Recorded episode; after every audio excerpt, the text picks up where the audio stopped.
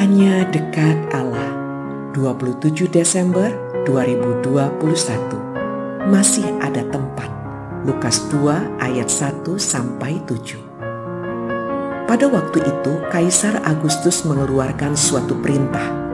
Menyuruh mendaftarkan semua orang di seluruh dunia. Inilah pendaftaran yang pertama kali diadakan sewaktu Kirenius menjadi wali negeri di Syria maka pergilah semua orang mendaftarkan diri, masing-masing di kotanya sendiri.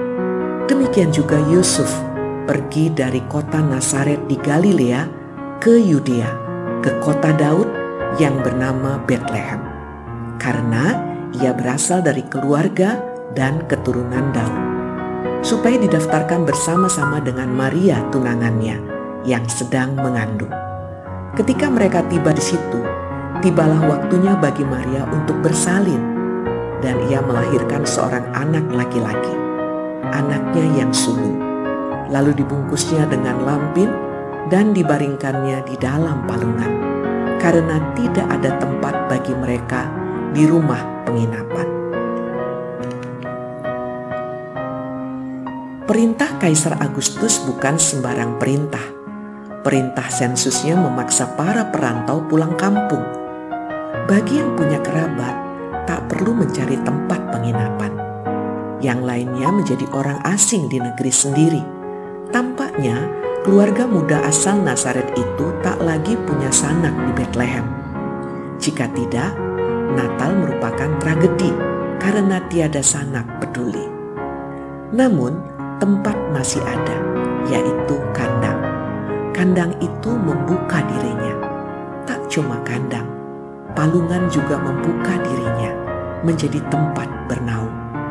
Mereka bersedia memberi ruang, meski sederhana, itulah jawaban dari kebutuhan keluarga muda itu. Mereka tak perlu terus berjalan karena telah mendapatkan tempat bernaung. Pada saat itulah Yesus lahir. Pemilik kandang pastilah tak pernah ngimpi ada bayi manusia terbaring di palungan Semula dia hanya memberi tempat bagi Maria dan Yusuf. Pemilik kandang itu, Lukas tidak mencatat namanya. Memang orang biasa, namun tindakannya luar biasa. Dia membuka hatinya bagi pasangan muda itu. Kisah Natal juga memperlihatkan Allah adalah pribadi yang selalu menyediakan tempat bagi umatnya. Mungkin sederhana dalam pandangan umum, namun selalu ada tempat bagi manusia. Persoalannya, apakah kita menerima tempat yang disediakan Allah itu? Keluarga muda itu meyakini bahwa Allah adalah pribadi yang menyediakan tempat. Yusuf dan Maria, orang-orang biasa itu, tidak menolak tempat yang disediakan Allah, dan penerimaan itu berbuah berkat. Selamat Natal dari kami, literatur perkantas nasional. Sahabat Anda bertumbuh.